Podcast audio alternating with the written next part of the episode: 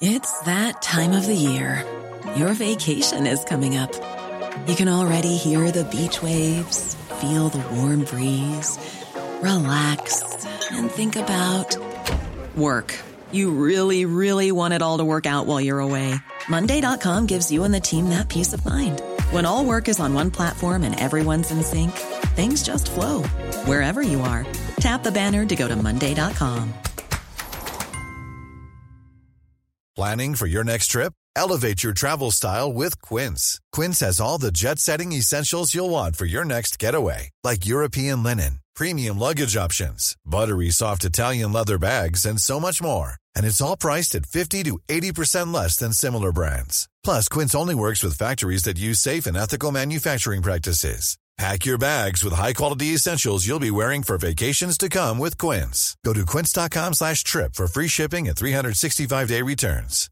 Hey, Dave. Yeah, Randy. Since we founded Bombus, we've always said our socks, underwear, and T-shirts are super soft. Any new ideas? Maybe sublimely soft. Or disgustingly cozy? Wait, what? I got it. Bombus. Absurdly comfortable essentials for yourself And for those facing homelessness. because one purchased equals one donated. Wow, did we just write an ad? Yes. Bombas. Big comfort for everyone. Go to bombas.com slash ACAST and use code ACAST for 20% off your first purchase.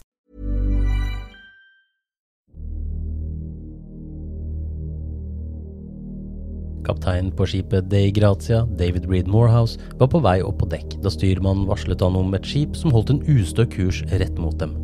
Klokken var rundt ett på ettermiddagen den 5. desember i 1872, og kaptein Morehouse observerte at skipet som var på kollisjonskurs, hadde en forholdsvis uberegnelig bevegelse.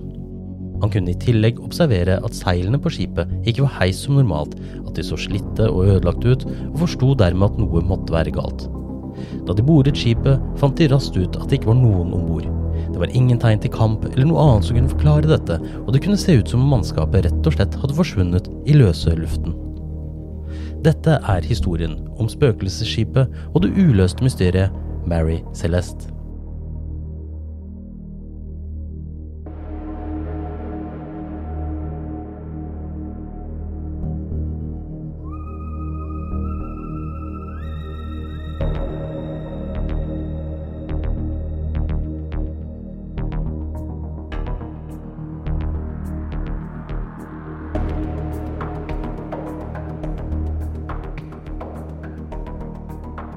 Hei, jeg heter Morten, og velkommen til Uløste mysterier. I det siste så har jeg dekket en del true crime-historier, men denne gangen har jeg undersøkt et av de største uløste skipsmysteriene gjennom historien. Jeg har hatt lyst til å dekke denne historien flere ganger, og nå klarte jeg ikke å holde fingrene fra tastaturet lenger. Det er vanskelig å finne ut eh, hva som er fakta og hva som er en del av utviklingen av historien om Mary Celeste, da historien har blitt fortalt mange ganger de siste 150 årene, og dermed fått tillagt det ene og det andre av detaljer som er blitt ansett som fakta. Men det er også det som gjør det så spennende å gjøre dypdykk i slike historier. Det at eh, skip forsvinner på havet er ingenting nytt, det har vel skjedd all den tid hvor mennesker har reist på sjøen, og jeg skal komme med noen historier og eksempler på akkurat dette. Og myter, legender og folklorer om skip som seiler hvileløst rundt på havet er omtrent like gamle som sjøfartshistorien. Men det som gjør historien om Mary Celeste spesiell, er at skipet ble funnet, men mannskapet var sporløst forsvunnet uten at loggboken kunne få oppklare mysteriet. Det har riktignok skjedd både før og etter 1872, men i mange tilfeller har kapteinen skrevet ned i loggboken hvorfor de valgte å forlate skipet. Før jeg begynner med historien om Mary Celeste, vil jeg takke alle lyttere, både gamle og nye, for eh, støtten, og jeg setter enormt stor pris på om dere vil følge meg i sosiale medier på Facebook og Instagram. Jeg er også i planleggingsfasen om å starte en egen TikTok-kanal, men dette skal jeg komme tilbake til nærmere. Hvis du har eh, et uløst mysterium du ønsker å høre, så ikke nøl med å sende meg en melding eh, på Facebook eller Instagram-siden min, eller så kan du sende en e-post på ulostemysterier at gmail.com. Men nå til saken, og jeg håper dere setter pris på historien jeg nå skal fortelle. Historien om Mary Celeste starter på Spencers Island, som for øvrig er en liten landsby og ikke en øy, i Fundy-bukta i Nova Scotia, og det med god grunn. Landsbyen lå slik til eh, i bukta at de lå i le for uvær og stormer, og i tillegg hadde de en enorm tilgang på tømmer. På denne plassen vokste skogen helt ned til vannkanten, noe som gjorde plassen til et ideelt område for skipsbygging. Skogsområdet rundt Spencers Island var eid av to brødre, Jacob og Isaac Spicer, som også bodde i landsbyen. Isaac Spicer sin kone var søsteren til kona til en mann ved navn Joshua Dewis, og han var interessert i å begynne med skipsbygging på lokasjon nettopp på grunn av de gode forholdene. Han overbeviste Spicer-brødrene til å sponse byggingen av skip mot at de fikk en åttendedel hver i eierskap av det første skipet, sammen med en del andre investorer, og sent i 1860 ble kjølen til skip nummer én ferdigstilt på det provisoriske verftet til Dewis i Spencers Island. Skipet ble bygget med tømmer fra området, hadde to master og var karvelbygget. At et skip er karvelbygget, betyr at bordene til skroget lå kant i kant, for så å bli festet fast i en robust og stødig ramme, til forskjell fra klinket hvor bordet overlapper hverandre. Et eksempel på et bord som overlapper hverandre, er skroget i Osebergskipet. For at sjøvann ikke skulle trenge inn mellom sprekkene i skroget, tettet de sprekkene med fugemasse. Denne teknikken, altså karvelteknikken, ga mulighet for å bygge større og raskere skip, mye fordi det tok mye lengre tid å klinke sammen bordene. I tillegg var det betydelig tryggere å ferdes i høyenkel jobb. Allerede ved sjøsettingen skjedde det ting. Det er litt uh, uklart nøyaktig hva som skjedde, men kilder forteller at skipet satte seg fast da det skulle sjøsettes, og at en person døde som følger av dette. Jomfruturen gikk til Five Islands, et område som riktignok har fem øyer, men landsbyen Five Islands ligger ikke på noen av disse, slik som Spencers Island. Her tok de om bord en last med tømmer som skulle fraktes til London, men eh, etter eh, at kaptein McLellan hadde hatt tilsyn med lastingen av skipet, ble han akutt syk uten at han ble nevneverdig bekymret av dette. Han mente at frisk sjøluft ville gjøre ham bedre, men tilstanden hans forverret seg så fort skipet hadde kommet seg ut av bukten. Amazon seilte tilbake til Spencers Island, og da skipet nærmet seg land, løp McLellans kone ned til havnen for å finne ut hvorfor Amazon hadde returnert så tidlig. Mannskapet på skipet kom aldri til å glemme det hjerteskjærende møtet mellom det unge nygifte paret, og McLellan ble tatt i land og ført til huset til Jacob Spicer.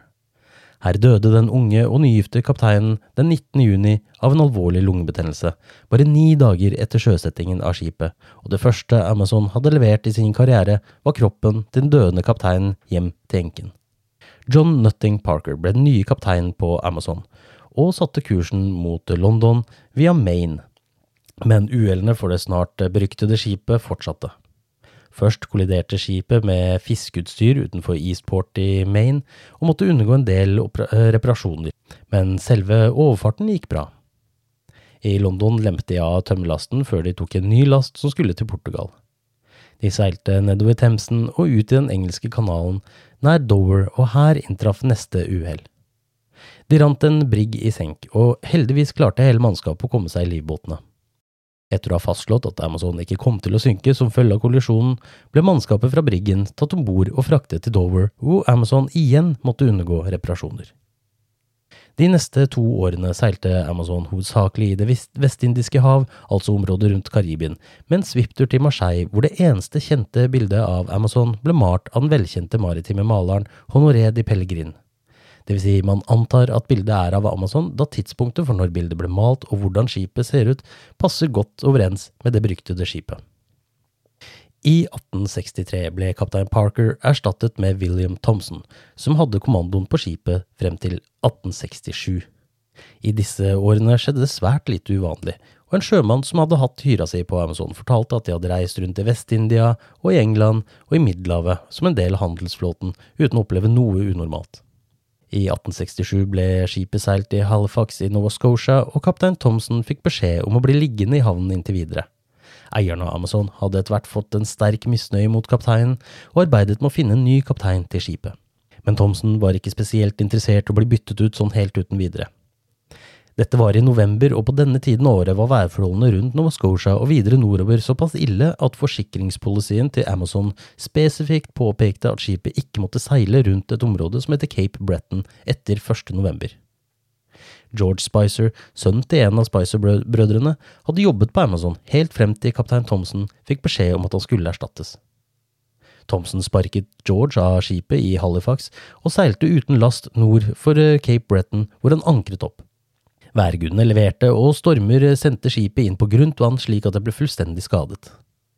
Forsikringsselskapet nektet å utbetale forsikringspenger, enkelt og greit på grunn av klausulen om hvor de kunne seile til hvilke datoer, og havariet hadde skjedd nord for området hvor de spesifikt forbød skipet å seile etter 1. november. Dette førte til at eierne av Amazon ikke så noe annet valg enn å forlate skuta der den lå. Men forbausende og kanskje litt mistenkelig fort ble det forlatte skipet hevdet av en ny eier, Alexander McBean, bare en knapp måned senere. Han omregistrerte skipet til Sydney i Nova Scotia, og det er nettopp det som gjør det hele mistenkelig. Ifølge maritime lover i Nova Scotia på den tiden kunne man ikke registrere et nytt skip til en ny havn med mindre skipet var i sjødyktig stand. Ikke nok med det, gikk det bare en uke eller to før skipet var eh, blitt solgt videre til en mann med navn John Beedy. Hvordan et skip som var såpass herjet at det visstnok måtte forlates, kunne bli hevdet av ny eier, omregistrert, solgt og omregistrert igjen innen kort tid, kan tyde på at skipet ikke var i så elendig stand som kaptein Thompson først påsto. Thomsen hadde dermed klart å ta hevn for at han skulle byttes ut, og mer eller mindre svindlet de opprinnelige eierne til, til å oppgi skipet. I tillegg skal Thomsen visstnok ha solgt Amazon videre under bordet til McBean. Denne svindelen ga samfunnet på Spencers Island et solid minus i bøkene, og etter det ble Amazon kjent som skipet som tvang innbyggerne til å spise med tinnbestikk, sikkert i stedet for sølvbestikk, kan jeg anta. John Beedy eide skipet i mindre enn ett år før han klarte å vrake skipet i nærheten av Maine, noe som gjorde at det måtte forlates nok en gang. Vraket ble berget og tauet til New York, hvor det ble solgt på en aksjon til en amerikansk sjømann ved navn Richard W. Haines for 1750 dollar, dvs. Si ca. 38 000 dollar i 2022-valuta. Han omregistrerte til skipet til eh, New York, men siden eh, det var et eh, skip opprinnelig fra Canada, måtte han egentlig betale en importavgift. Dette var ikke Haines særlig interessert i, så i stedet så droppet han å betale hele avgiften, og valgte i stedet å døpe det om til noe annet i håp om at ingen skulle legge merke til det gamle skipet fra Nova Scotia nå seilte under et annet navn. Men det er det én ting myndigheter alltid har vært flinke til, så er det å finne ut av ting som potensielt sett kan føre til at de ikke får pengene de skal ha. Haines eh, ble konfrontert med dette, og forklaringen hans var at han hadde gjort så mange reparasjoner på skipet at en slik avgift da skulle være fullstendig unødvendig. Han hadde gitt eh, skipet en ny kjøl, han hadde erstattet bakenden og hadde i tillegg måttet bygge på det meste av skroget. Han eh, påsto at alle disse reparasjonene hadde kostet dobbelt så mye som skipet var verdt, og dermed kunne, han like gjerne ha bygget et skip fra bunnen av. Hvorvidt dette stemmer, er debattert, og det skal jeg komme tilbake til veldig snart. Navnet han ga skipet, var Mary Celeste, og han valgte selv å være kaptein på skipet. Men av forskjellige årsaker ble ikke Mary Celeste den suksessen han håpet på. Haines havnet i dypere og dypere gjeld, og til slutt ble skipet tvangsholdt etter bare ti måneder. James Winchester var mannen som kjøpte Mary Celeste på tvangssalget, og tilfeldighetene skulle ha det til at Winchesters liv mer eller mindre speilet det livet skipet hadde hatt. Han var født i Nova Scotia, flyttet deretter til Maine, ble amerikansk statsborger og flyttet til New York. Men skipet var like nådeløst som havet det seilte på, kan det virke som. Kort tid etter at Winchester hadde kjøpt skipet, kom det en mann fra myndighetene som avkrevde importavgiften som Haines hadde latt være å betale. Han mente derfor at uh, omregistreringen av skipet var ugyldig, men dersom Winchester i stedet bare betalte han cash uh, kontant rett i labben, så skulle det ikke være noe problem i det hele tatt. Han påpekte også at Winchester tross alt var en uskyldig part i alt dette her, men at det, dette nå var en smidig løsning slik at den ferske eieren skulle slippe å måtte sone i fengsel. Dette var jo selvsagt ren utpressing av den gode gamle sorten, noe Winchester også forsto og sa klart ifra om. Myndighetspersonen prøvde derfor å ta han til retten slik at han selv kunne slå kloa i skipet, som nå for alvor begynner å fremstå som forbannet. Men heldigvis kunne Winchester etter noe tid gå seirende ut av rettslokalene. Men problemene med Mary Celeste sluttet ikke der. Winchester fant fort ut at Haines påstand om at han nærmest hadde bygget om hele skipet, ikke stemte i det hele tatt. Skipet var mer eller mindre råttent til roten, og for å få det i sjødyktig stand måtte Winchester ut med nærmere 11 500 dollar, eller nærmere 280 000 dollar i 2022-penger. Han fant ut at han like gjerne skulle bygge om skipet ved å legge til et nytt dekk, bygge ut de to husene og ordne til ny seilrigging. I tillegg ble skipet forlenget med en meter, dybden med halvannen meter, samt erstattet alt tømmeret som var råttent på skipet. I utgangspunktet var Amazon eh, registrert med omtrent 198 tonnasje, og Mary Celeste ble registrert med 282 tonnasje. En eh, god del arbeid ble altså utført før skipet igjen ble sjødyktig og kunne sette seil. Mannen som skulle bli skipets sjette kaptein på elleve år, Benjamin Spooner Briggs, kjøpte seg like gjerne inn på eiersiden av skipet. Hadde han visst hva som var i vente, hadde han nok garantert valgt å snu på hæla og løpt ut døren. Benjamin Briggs ble født i Wareham, Massachusetts 24. april i 1835, og var en av den erfarne kaptein Nathan Briggs sin fem sønner. Samtlige av sønnene ble sjømenn, og to av dem ble kapteiner på egne skip, deriblant Benjamin. Forfedrene hans kom til Amerika på skipet Mayflower i 1620, og andre forfedre kjempet i den amerikanske revolusjonen. I 1862 giftet Briggs seg med kusinen sin, Sarah Elizabeth Cobb, og sammen fikk de to barn, Arthur i september 1865 og Sofia Matilda oktober 1870. Etter at Sofia var uh, født, hadde Briggs egentlig bestemt seg for å gi opp livet på sjøen og starte en bedrift sammen med broren sin Oliver, som også hadde gått lei sjølivet. Dette prosjektet ble det lite av, og i stedet investerte brødrene i andeler på hvert sitt skip. Oliver investerte i skipet Julia A. Hallock og Briggs i Mary Celeste. I 1872 ble Briggs kaptein på Mary Celeste og skulle seile skipet fra New York til eh, Genova i Italia. Briggs eh, var eh, en familiemann og ønsket at kona og barna skulle være med han på overfarten. Arthur var riktignok opptatt med skolegangen sin og ble igjen i Amerika hos besteforeldrene sine. Totalt var de elleve sjeler om bord i Mary Celeste. Briggs selv, kona hans Sarah og lille Sofia. Førstestyrmann Albert G. Richardson, som var gift med kusina til Winchester og hadde seilt med Briggs tidligere. Andrestyrmann Andrew Gilling, som var 25 år fra New York og hadde danske aner. Den nygifte Edward William Head hadde hyre som Stuart og var anbefalt av Winchester personlig, samt fire sjømenn fra Tyskland brødrene Folkert og Baas Lorentzen, Arian Martens og Gottlieb Gudschall. Dere lurer kanskje på hvorfor jeg sa elleve sjeler når det kun var ti mennesker om bord? Skipets katt ble også med på overfarten. Hva katten het vet jeg ikke, men Sofia kalte den iallfall for Poo Apoo. Dette mannskapet ble ansett som fredelige og førsteklasses sjømenn, og i det siste brevet Briggs sendte til sin mor, fortalte han at han var meget fornøyd med skipet og mannskapet. Sarah fortalte i et brev til sin eh, mor at eh, mannskapet virket meget kapable og høyt eh, kvalifiserte, så fremt de fortsatte slik de hadde begynt. Mary Celeste lå fortøyd i havnen i New York ved Pier 50 i East River. I hele oktober og inn i november 1872, mens de forberedte seg til overfarten. Briggs og familien kalte skipet hjemmet sitt og bedrev tiden med kortspill, samt spille musikk på et orgel de hadde med. De savnet også sønnen Arthur, og i flere tilfeller vurderte Briggs-ekteparet å si at han bare kunne droppe resten av skoleåret og bli med dem på turen, men de vurderte det slik at utdannelse til sønnen var viktigere enn en overfart som han sikkert kunne være med på senere. Lasten Mary Celeste skulle ha med seg til Genova besto av 1701 tønner med alkohol. Tønnene ble stablet på siden og sikret godt, da denne type last var noe av det farligste et skip kunne frakte på den tiden. Tirsdag den 5. november la skipet endelig fra Pier 50 og seilte ut i havnen i New York. Været var forholdsvis dårlig denne dagen, og i vente på bedre forhold valgte Briggs å ankre opp rett utenfor Staten Island, og to dager senere ble været bedre, og Mary Celeste forlot havnen og satte kursen til ut i Atlanterhavet. Motsatt side av East River lå skipet Dei Grazia ved kai og ble lastet. Kaptein David Reed Morehouse gjorde skipet klart til å seile mer eller mindre samme rute som Mary Celeste til Genova, med en last petroleum. Han var fra Nova Scotia, slik som kaptein Briggs, og med seg hadde han førstestyrmann Oliver DeVoe, også en sjømann fra Nova Scotia. Briggs og Morehouse delte en del felles interesser, og mange mener at de kjente hverandre. Noen kilder sier eh, de bare visste om hverandre og anså hverandre som velrespekterte sjømenn, andre kilder mener de var nære venner som blant annet spiste middag sammen kvelden før Mary Celeste satte seil. Dessverre er kildemateriellet for nøyaktig eh, hvor godt de kjente hverandre, begrenset til en historie enken til Morehouse fortalte 50 år etter hendelsen. De Grazia forlot New York den 15. november og lå drøyt 1950 km bak Mary Celeste på ferden sin over Atlanterhavet. Omtrent umiddelbart etter å ha forlatt New York ble de rammet av en av de mange stormene i Atlanterhavet og måtte forsere både regn, sterk vind og høy sjø hver eneste dag. De skalket lukene og lukket alt som kunne lukkes, og man må anta at Mary Celeste også seilte gjennom samme storm og ville gjort nøyaktig det samme som mannskapet på Dei Grazia.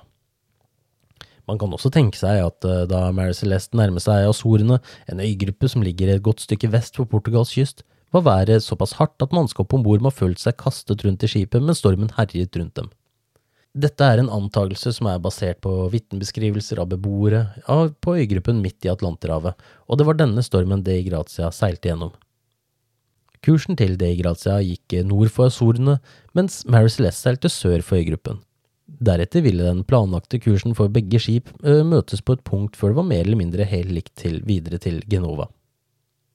På tidlig ettermiddag torsdag den 5. desember så styrmann og kaptein Morehouse på De Grazia seil omtrent 80 km på babord side, og et skip som nærmet seg sakte, men sikkert. Morehouse tittet gjennom kikkerten sin og så at uh, skipet beveget seg med en slags uberegnelig kurs, og at seilene var i uorden, og etter hvert som skipet kom nærmere, kunne de også se at det ikke var noen på dekk, og det som verre var, ingen ved roret. De prøvde å signalisere til skipet med flaggsignaler og rop, men fikk ingen svar. De seilte rundt og fikk se navnet på skipet de hadde møtt, Mary Celeste. Moras forsto at noe var veldig galt, og beordret førstestyrmannen DeVoe, andrestyrmann John Wright og matrosen John Johnson i livbåten slik at de kunne ro over til Mary Celeste for å undersøke hva som hadde hendt. Johnson ble i ro, eh, robåten, mens DeVoe og Wright klatret om bord for å se om de kunne finne noe tegn til hva som hadde skjedd. Og det er fra dette tidspunktet historien om Mary Celeste sklir litt ut, da historiene om hva de oppdaget og hva som kunne ha skjedd, har blitt fortalt om igjen og om igjen, hvor noen ganger blir lagt til noe mer i historien, noe blir endret, noe overdrevet og noe fjernet. For eksempel ble det sagt at seilene var i god tilstand og heist på normal måte, men sannheten er at seilene var opprevet, noen var regelrett firt ned og lå på dekk, og andre seil var rett og slett borte.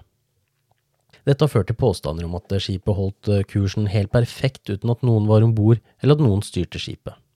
Andre historier sier at loggboken til skipet var holdt helt frem til siste timen hvor skipet ble oppdaget av De Grazia, og at matbordet var dekket på med fersk mat som fremdeles var varm. Dette er derimot ikke sant, og jeg kommer ikke til å gjenta det som trygt kan anses som å være sjømannskrøner. Jeg kommer heller til å fokusere på de enkle faktum som ble fortalt av mannskapet på det i Grazia og loggført i høringene i etterkant av bergningen av det forlatte skipet, vil si før de begynte å endre forklaringene sine, men det kommer jeg tilbake til. Jeg kommer også selvsagt til å komme med teorier om hva som kan ha skjedd, og vil også fortelle om eh, teorier som fremdeles står sterkt, men som kanskje ikke nødvendigvis kan stemme om man ser eh, hendelsene rent logisk samt bruke Occams Racer, som tilsier at den enkleste forklaringen med færreste antagelser gjerne er den som stemmer. Forklaringen fra DeVoe var at seilene var fillete, hang på halv tolv, og noen som eh, var eh, som sagt tatt ned og lå henslengt på dekk som om de var tatt ned i en fei. Skipet var i tillegg fullstendig forlatt, ikke engang skipskatten var om bord. I tillegg var en del av rekkverket på babord side av skipet fjernet, og Festet i akterenden av Mary Celeste hang det et avkappet tau. Hvorfor dette er relevant, skal jeg også komme nærmere inn på i den mer realistiske teorien om hva som kan ha skjedd med mannskapet. Det har også blitt sagt at, eh, i enkelte teorier at en av skipets pumper lå demontert på dekk, noe som da tyder på at skipet kanskje tok inn såpass mye vann at de resterende pumpene ikke kunne ta unna. Men det stemmer ikke. Det første DeVoe gjorde var å sjekke om skipets fire pumper fortsatt fungerte. Det gjorde de, til tross for at det var en drøy meter med vann i lasterommet. Han gikk deretter inn i lugarene og fant ut at alt var søkkvått. De fleste vinduene var dekket med canvas og planker, noe som kan tyde på at mannskapet til Mary Celeste virkelig hadde gjort det de kunne for å holde unna stormen. Derimot var lugarens takluke åpent, noe som gjorde at regn og sjøvann hadde kommet inn og dermed gjort alt i lugaren vått. Sengene til kapteinen og familien hans var sovet i, men ikke redd opp. Dette kan bety at det uh, var en som hendte med Mary Celeste må ha skjedd tidlig på morgenen før sengene ble redd opp. Hvorfor antar man dette? Det er lite som uh, tyder på at Briggs sin kone ville latt uh, sengene være uredde til langt på, et, langt på formiddagen eller ettermiddagen, og i dag høres dette kanskje litt banalt ut, men i 1872 var det nok ikke på noen måte det. De personlige eiendelene til kapteinen, familien hans og mannskapet var etterlatt. De fant riktignok ingen eiendeler etter Lorentz-brødrene, noe som førte til spekulasjoner om at de på en eller annen måte kunne stå bak hva enn som hadde hendt med skipet, men forklaringen er ganske så logisk. Før de mønstret på Mary Celeste, hadde Lorentz-brødrene eh, hatt hyre på et annet skip. Dette skipet sank, og brødrene mistet alt de eide og hadde. Av provisjoner var det meste fremdeles i de mengdene man kunne forvente, med tanke på når de forlot havnen i New York. Loggboken var uh, ført helt frem til den 24. november, ti dager før skipet ble oppdaget. Det var derimot uh, begynt på en oppføring den 25. november på en slags uh, krittavle, hvor hendelser ble ført inn eh, først i løpet av dagen, for så å deretter bli ført over i loggboken på kvelden. Morehouse og mannskapet begynte å debattere hva de skulle gjøre med det forlatte skipet, og det kunne virke som om de var mindre bekymret over skjebnen til mannskapet enn de var oppspilte over den potensielle belønningen de kunne få for å berge skipet, noe som tyder på at Morehouse og Briggs slettes ikke kjente hverandre godt. DeVoe var skråsikker på at eh, skipet var i sjødyktig stand, og Morehouse sa seg enig. Førstestyrmannen fikk med seg eh, to menn om bord i Mary Celeste, og på bare noen timer hadde de pumpet vannet ut av lasterommet, funnet reserveseilene, fått opp disse og kunne fortsette ferden videre mot nærmeste havn, Gibraltar. Tre menn klarte altså å få Mary Celeste i mer enn god nok stand på forholdsvis kort tid, noe som tyder på at skipet ikke var i en slik tilstand at man skulle måtte forlate det midt i Atlanterhavet. Men én ting som DeVoe gjorde, som han i ettertiden nesten kan se på som nærmest utilgivelig, var at han fjernet notatene som cap'n Briggs hadde skrevet på krittavlen den 25. november, uten å føre dette inn i loggboken, før han selv fortsatte å føre boken som vanlig. Vi får dermed aldri vite hva kaptein Briggs skrev på denne datoen. Men vi må samtidig også gi honnør der honnør bør rettes. DeVoe og de to mennene som var med han, klarte å få et forlatt skip sjødyktig mens de fremdeles var til havs, seilte de delvis gjennom en storm og fikk det til trygt til havn på kun én dag mer enn det i Grazia, noe som strengt tatt er meget imponerende. Dette taler også om hvor profesjonelle sjømenn dette var, noe som er viktig å ha i bakhodet når man skal vurdere hva som faktisk hendte. Myndighetene i Gibraltar var riktignok ikke like imponerte med en gang. De syntes det var ytterst mistenkelig at et tilsynelatende trygt skip i en forholdsvis god tilstand skulle bli forlatt midt på havet, uten at det var noe tegn til kamp eller en potensiell livsfare. De satte i gang en etterforskning og undersøkte skipet fra topp til bunn. De fant fort ut at skipet var nærmest perfekt tilstand. Men de fant også noe som med en gang skapte mistanke. Under sengen til kaptein Briggs fant de et sverd. De tok sverdet ut av slira og så flekker av noe de trodde var blod, noe som dermed kunne tyde på at det faktisk hadde vært en kamp på skipet, og at sverdet av en eller annen grunn hadde blitt forsøkt skjult. Men dette skulle nesten like fort vise seg være noe annet enn størknet blod. Det var bare rustent, noe eh, som viser til at eh, Briggs sjelden sjeldent hadde behov for å bruke sverdet sitt. Det ble heller ikke funnet noe blodspor på dekk, ikke av hyttene eller noe annet sted på skipet. Men til tross for dette er det en teori som har holdt seg siden etterforskningen pågikk, nemlig at kaptein Briggs og familien hans, og kanskje også noen av mannskapet, ble myrdet. Teorien går ut på at eieren, Winchester, hadde leid mannskapet til å drepe Briggs og familien hans, for så å forlate skipet slik at Winchester kunne heve forsikringspengene. Men det ble ikke funnet noe bevis for at dette var tilfellet. Ikke den gang, og heller ikke i tidens løp. En annen teori var at de Grazia lå i bakhold ved Azorene for så å bore Mary Celeste, drepe alt av mannskap, for så å kunne heve belønningen for bergningen, da belønningen vil være veldig høy på grunn av lasten. Men begge teorier faller litt i grus, da det som nevnt tidligere ikke var noe tegn til kamp. Og enda en detalj som senker teoriene om at Mary Celeste ble kapret av de, eh, Grazia, var at De Grazia var et mye tregere skip som attpåtil forlot New York flere dager senere. De ville med andre ord aldri ha klart å ta igjen Mary Celeste under normale forhold. Men kunne skipet ha blitt kapret av pirater, som i sin tur drepte mannskapet og dumpet dem over bord eller regelrett bortførte dem? Tvilsomt. Årsaken til det er at ingenting var borte fra skipet. Eiendelene var igjen, og det samme var den meget verdifulle lasten, samt at det som sagt eh, ikke var et eneste spor av kamp. Det er ytterst tvilsomt at eventuelle pirater som måtte operere i det området på den tiden, ville etterlatt både eiendeler og lasten, men bortført mannskapet. Men teoriene utvikler seg, og etter hvert ble det påstått at Briggs og familien hans var med på svindelen ved at de planla å møte det i Grazia, dele summen de fikk for bergningen, før de valgte å forsvinne i Europa. Men det gir ingen mening, da de hadde familie i Amerika, deriblant den åtteårige sønnen deres, som de etter alle solmerker aldri ville forlatt frivillig, med mindre det virkelig, virkelig ikke likte han. Igjen usannsynlig. Et par andre teorier som naturlige hendelser har også blitt vurdert.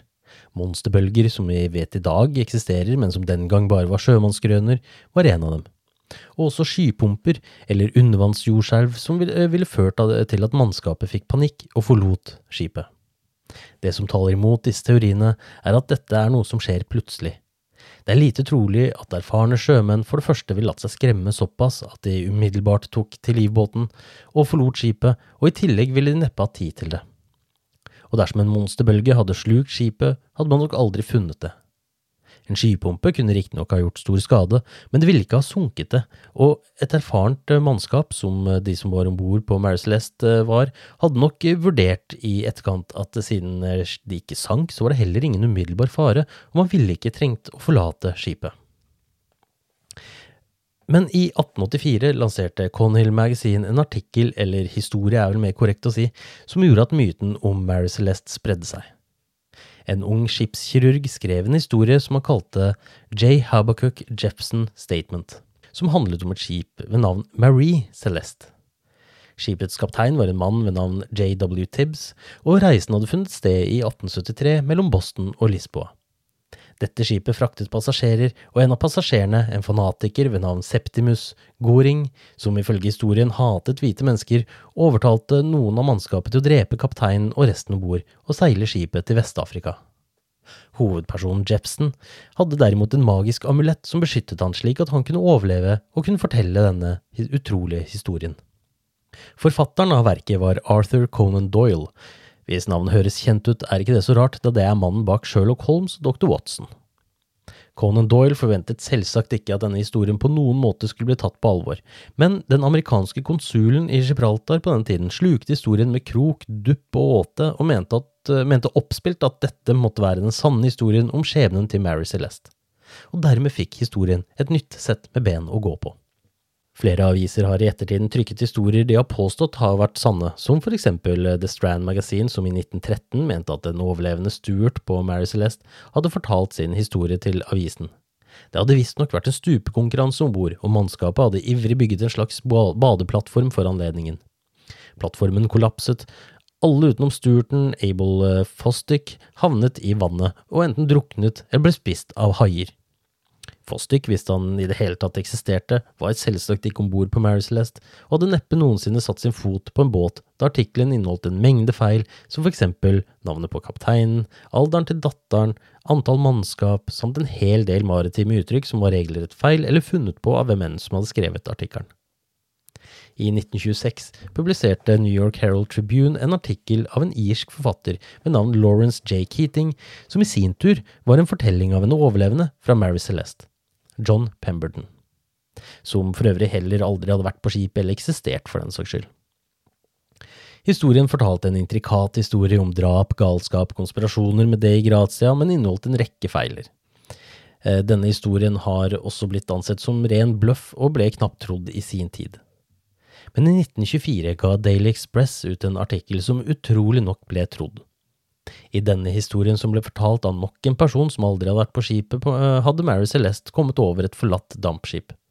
Om bord fant de omtrent 3500 pund i gull og sølv. De valgte å dele pengene seg imellom, forlate Mary Celeste før de brukte en av livbåtene til dampskipet for å ro til Spania, hvor de slo seg ned og levde det lange, søte liv på pengene de fant. Jeg kan nevne én ting som gjør dette fullstendig usannsynlig, og det er været. De hadde ikke hatt noe sjanse til å nå Spania, og ikke at det gir noe mening om hvorfor de skulle forlate Mary Celeste etter å ha funnet verdiene på det andre skipet, de kunne like gjerne bare seilt sitt eget skip videre og latt som ingenting.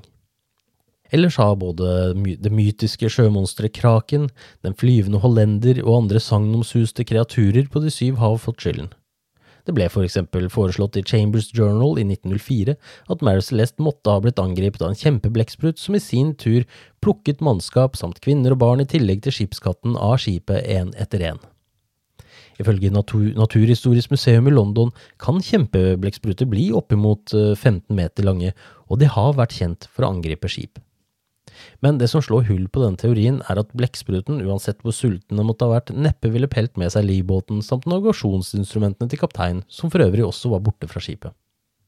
Siden vi er i fantasiens verden, så kan jeg også nevne forslag om eh, mystiske hendelser som blant annet involverer pyramidene i Giza, ikke spør meg hvordan, eh, det fortapte kontinentet kjent som Atlantis, og flyvende tallerkener. Bermudatriangelet, som jeg fortalte om i episode tre av denne podden, er også foreslått som en slags løsning på mysteriet, men nå skal det nevnes at Mary Celeste ble funnet forlatt i et helt annet område av Atlanterhavet, langt fra det myteoppspunne området. Men før jeg fortsetter om historien til Mary Celeste og hva som skjedde videre med det nå beryktede skipet som hittil har stått for både dødsfall av kapteiner, økonomisk ruin av eiere og mannskap som tilsynelatende forsvinner i løse luften, vil jeg gå gjennom den teorien som jeg mener er sterkest og mest sannsynlig om hva som skjedde den skjebnesvangre dagen sent i november et eller annet sted i Atlanterhavet. Vi reiser tilbake til Pier 50 i New York før Mary Celeste legger fra kai. Der blir 1701 tønner med alkohol stuet ned i lasterommet.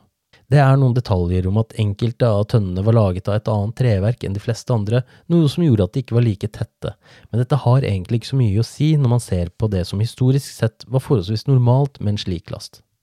De ble liggende litt ved Staten Island før de satte kursen ut i Atlanterhavet.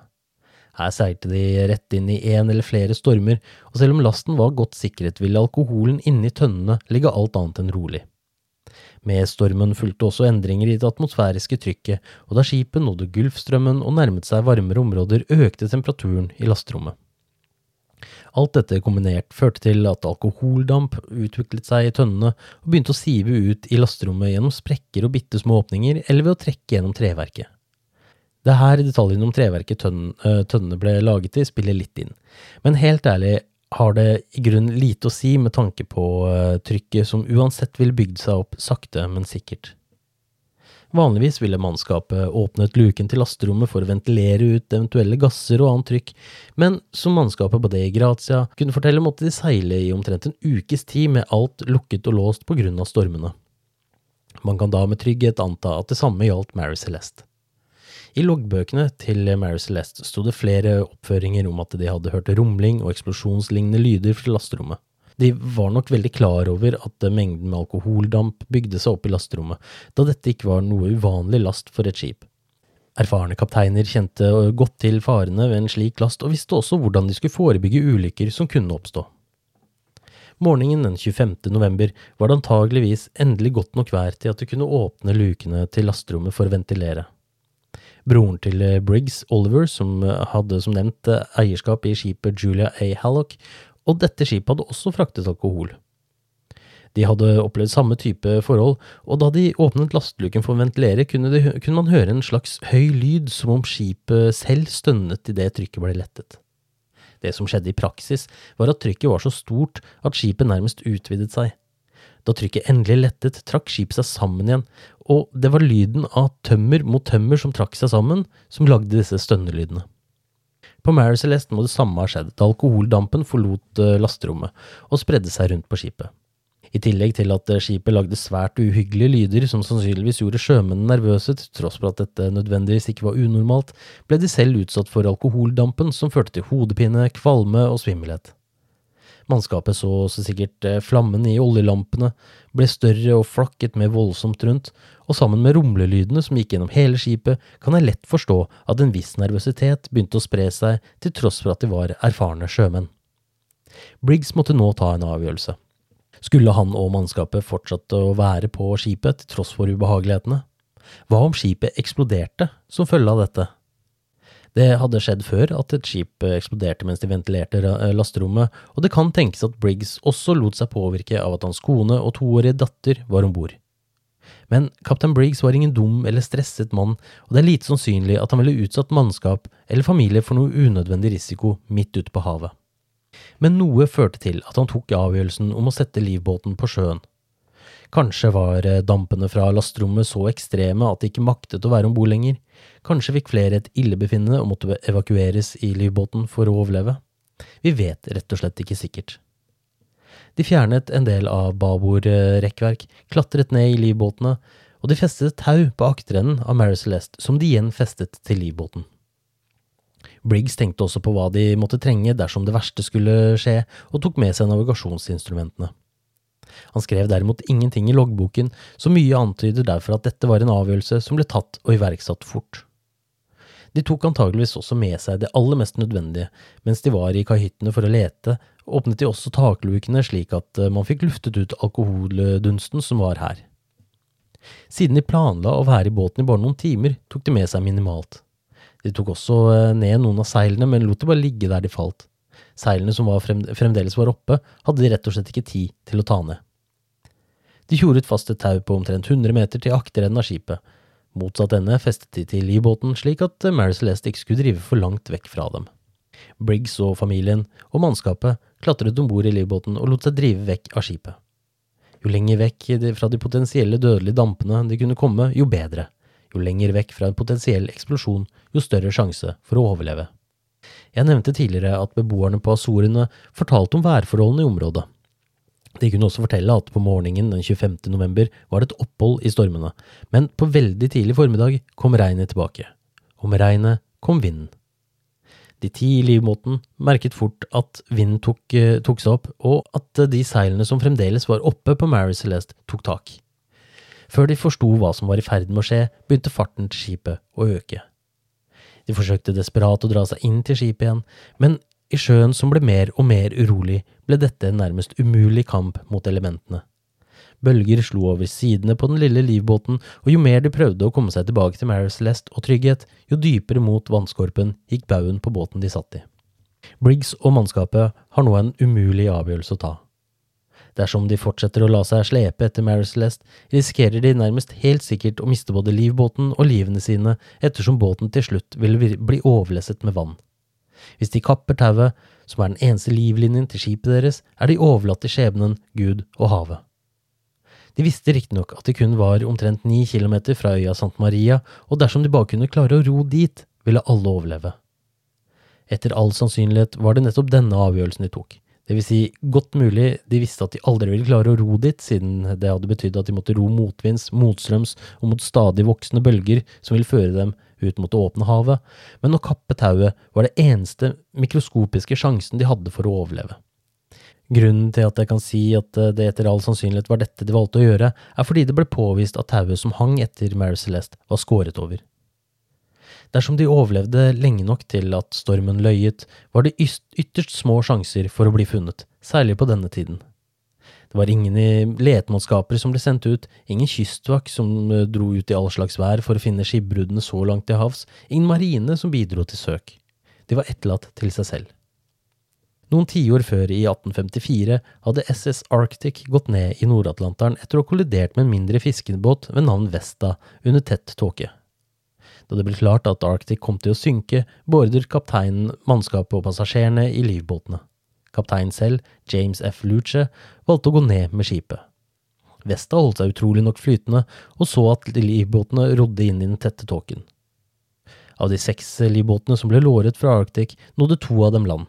Én ble plukket opp av et passerende dampskip som eh, også plukket opp overlevende som fløt eh, rundt på hva enn de kunne finne, inkludert kaptein Luce, som utrolig nok hadde klart å komme seg ut av skipet etter at det, hadde sunket og svømt opp til overflaten. De siste tre livbåtene forsvant sporløst. SS Arctic var forholdsvis nærme land da uhellet skjedde, noe som bidro til at tre av seks livbåter fant land. Men for Mary Celeste sitt mannskap var dette en fullstendig håpløs situasjon. Mellom åtte og ti dager senere fant Dei Grazia Mary Celeste. Da hadde skipet fortsatt eh, østover, for så å vende vestover igjen, til det punktet hvor det ble oppdaget av kaptein Morehouse og mannskapet hans. Denne teorien er riktignok ikke noe jeg har kokt sammen selv, men en teori som har vært i omløp en god stund.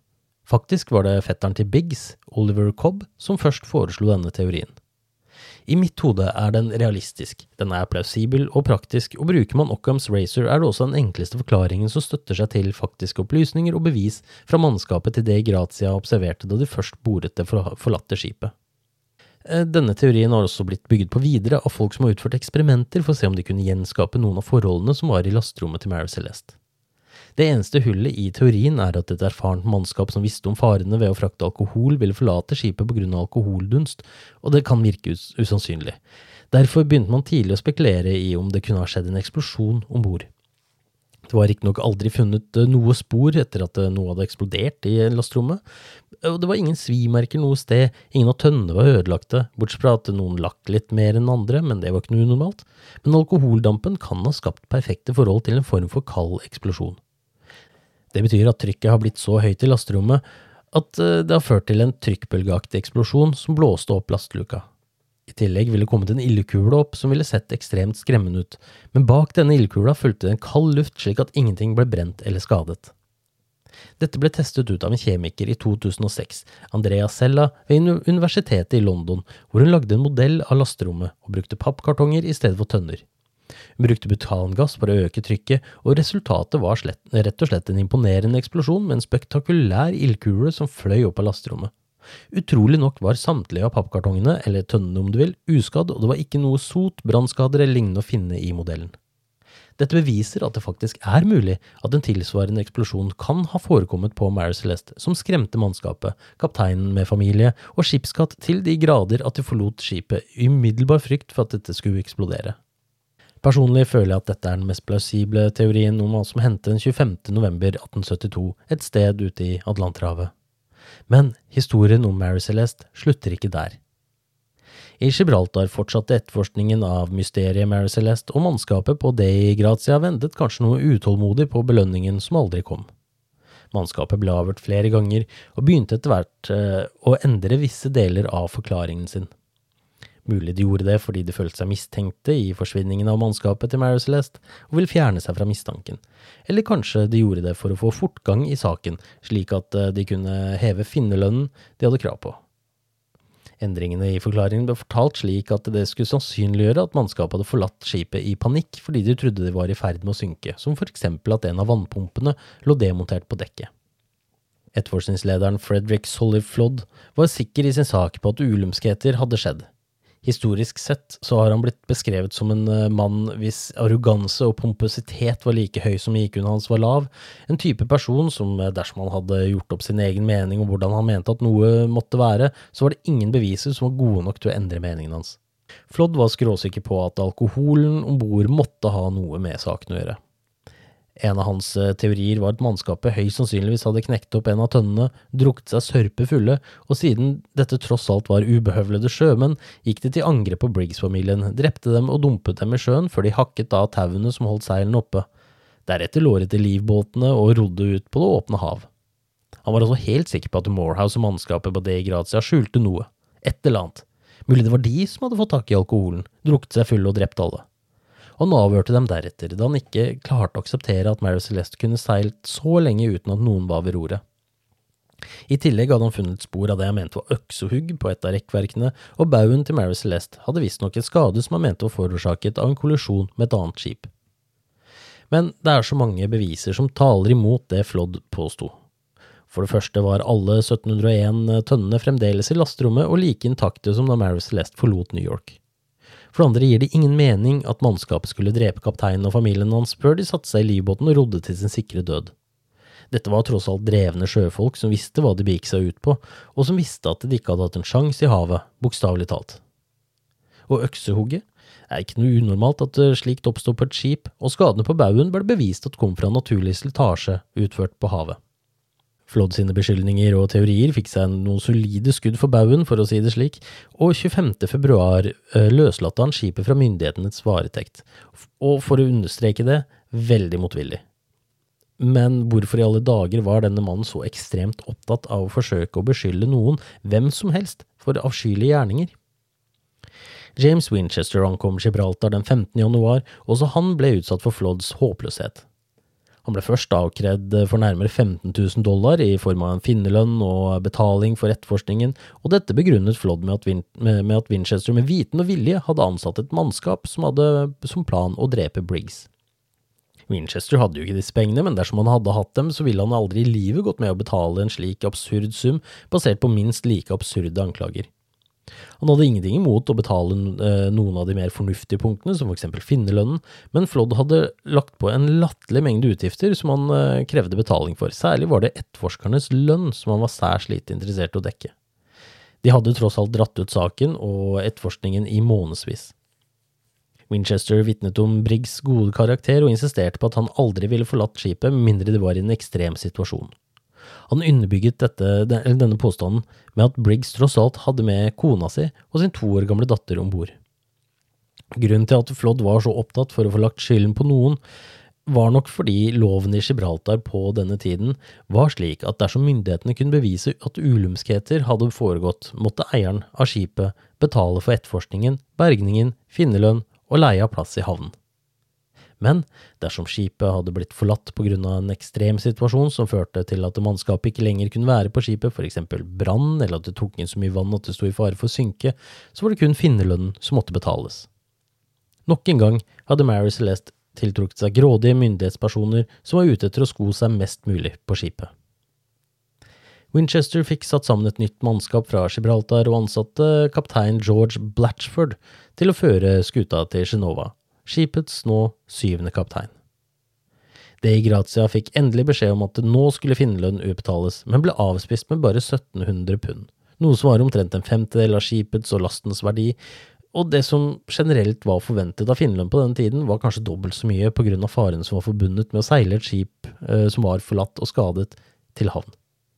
Men dommeren som avgjorde dette, hadde tidligere blitt meget irritert på kaptein Morehouse da han sendte DeVoe og mannskapet med Dade Grazia videre til eh, Genova for å få levert lasten.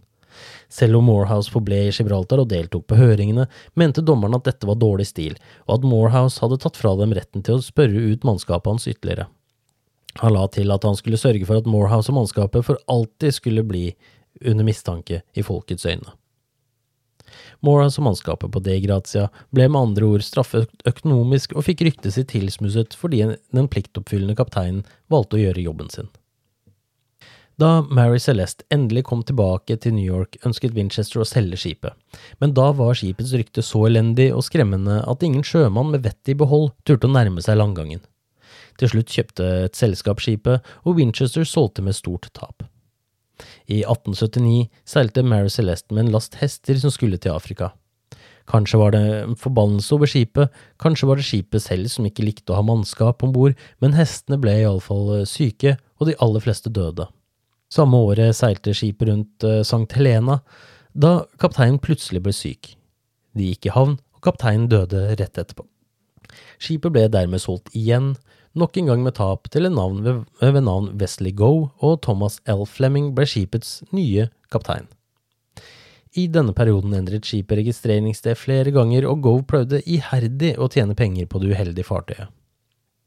I 1884 ble kaptein Fleming byttet ut med Gilman C. Parker, og det ble da skipets niende kaptein. Og sammen med Goe klekket han ut en plan om hvordan man endelig kunne tjene noen kroner på skipet som det åpenbart hvilte en forbannelse over. De fylte skipet med verdiløst eh, skrot, som råtten fisk, råttent kjøtt, dårlig brennevin og dårligere øl og den slags, men skrev i manifestet at verdien var mye høyere enn det den egentlig var. I tillegg forsikret de summen på varene for rundt 30 000 dollar, eh, omtrent 1 million dollar i dagens valuta. Mary Celeste satte seil igjen i januar i 1885, men denne gangen satte kapteinen kurs mot et område hvor det var en del godt kartlagte korallrev. Han styrte Mary Celeste på grunn slik at bunnen ble revet opp og skipet rett og slett uopprettelig skadet. Mannskapet på bord var helt med på dette, de var overbevist om at Mary Celeste var et ondskapsfullt skip som måtte ødelegges slik at det aldri mer kunne seile på de syv hav. Mannskapet rodde seg i land, og Mary Celeste ble liggende døende igjen på et korallrev i Det karibiske hav, tatt av dage av sin siste kaptein, som tilfeldigvis hadde samme etternavn som hennes andre kaptein, men som i realiteten ble beregnet å være den første. Kaptein Parker solgte vraket til den amerikanske konsulen på øya de hadde grunnstøtt, og sendte så inn et forsikringskrav. Men konsulen var ingen dum mann, og med en gang han oppdaget at lasten han hadde kjøpt for 500 dollar var verdiløs, meldte han dette til forsikringsselskapet. Forsikringsselskapet var jo selvsagt lite interessert i å betale ut penger der snusk hadde foregått, og satte i gang en egen etterforskning. I juli 1885 ble Parker og eierne av Maricelest arrestert i Boston og anklaget for å ha begått forsikringssvindel. Barker ble i tillegg eh, anklaget for å ha med viten og vilje kastet vekk et skip, en kriminell handling i maritim lov som går ut på at kapteinen eller mannskapet på et eh, skip utfører en handling av grov, grov uredelighet som fører til skade på fartøyet eller dets last. Innunder dette er desertering, ulovlig senking, tyveri av skip eller last, og handlinger som går imot eiernes interesse. På denne tiden hadde denne anklagen en dødsstraff hengende ved seg men først måtte retten avklare hvorvidt det lå en konspirasjon bak mellom Parker og eierne. En del av jurymedlemmene følte at de ikke ønsket å dømme Parker for konspirasjon, da de kunne risikere et ankemareritt, og ville heller finne en måte å sørge for at han kunne dømmes for sin andre tiltale og dermed henrettes. Det ble derfor avgjort at forsikringskravet skulle oppgis, og de som hadde mottatt forsikringspenger skulle betale dette tilbake. Men Parker ble likevel ikke tiltalt, og slapp fri. Men hans profesjonelle og personlige rykte var for alltid svertet og ødelagt, og han døde i dyp fattigdom bare tre måneder senere. En av de andre tiltalte på eiersiden ble sinnssyk, og en tredje begikk selvmord og i etterkant av rettssakene. Det ble sagt at selv om rettssalene ikke kunne dømme og straffe disse mennene, så klarte forbannelsen som hvilte over skipet, siden dets første kaptein Robert McLellan døde på den beskjedne jomfruturen over bukten, å nå de tiltalte fra skipets våte grav for å utføre sin egen grusomme hevn. Historien om Mary Celeste var kanskje over i rettssalenes øyne, men legenden om det mannskapsløse spøkelsesskipet lever fremdeles i beste velgående den dag i dag. Hva som egentlig skjedde i november 1872, kan vi bare som vanlig spekulere i og teorisere om, men som jeg har fortalt her, så er det noen teorier som er noe mer plausible enn andre. Det som er sikkert, er at Mary Celeste skapte mer problemer og spredde mer død enn man egentlig kunne tenke seg, og kanskje ligger det noe i sjømannsgrønnene som er blitt fortalt like lenge som mennesket har seilt over de syv hav. Om det er mer mellom himmel, hav og jord enn hva vi vet om, vil nok forbli et uløst mysterium. Takk for at du har lyttet til denne podkasten. Vi høres.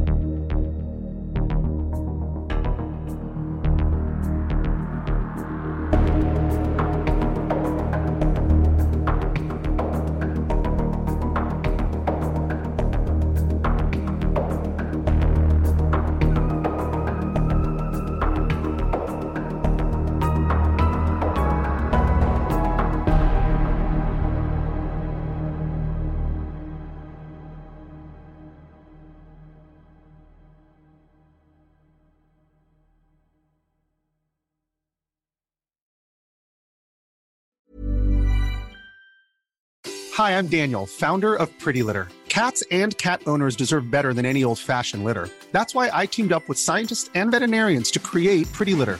Its innovative crystal formula has superior odor control and weighs up to 80% less than clay litter. Pretty Litter even monitors health by changing colors to help detect early signs of potential illness. It's the world's smartest kitty litter. Go to prettylitter.com and use code ACAST for 20% off your first order and a free cat toy. Terms and conditions apply. See site for details. Need new glasses or want a fresh new style? Warby Parker has you covered. Glasses start at just 95 bucks, including anti-reflective, scratch-resistant prescription lenses that block 100% of UV rays. Every frame's designed in-house with a huge selection of styles for every face shape. And with Warby Parker's free home try-on program, you can order five pairs to try at home for free. Shipping is free both ways too. Go to warbyparker.com slash covered to try five pairs of frames at home for free. warbyparker.com slash covered.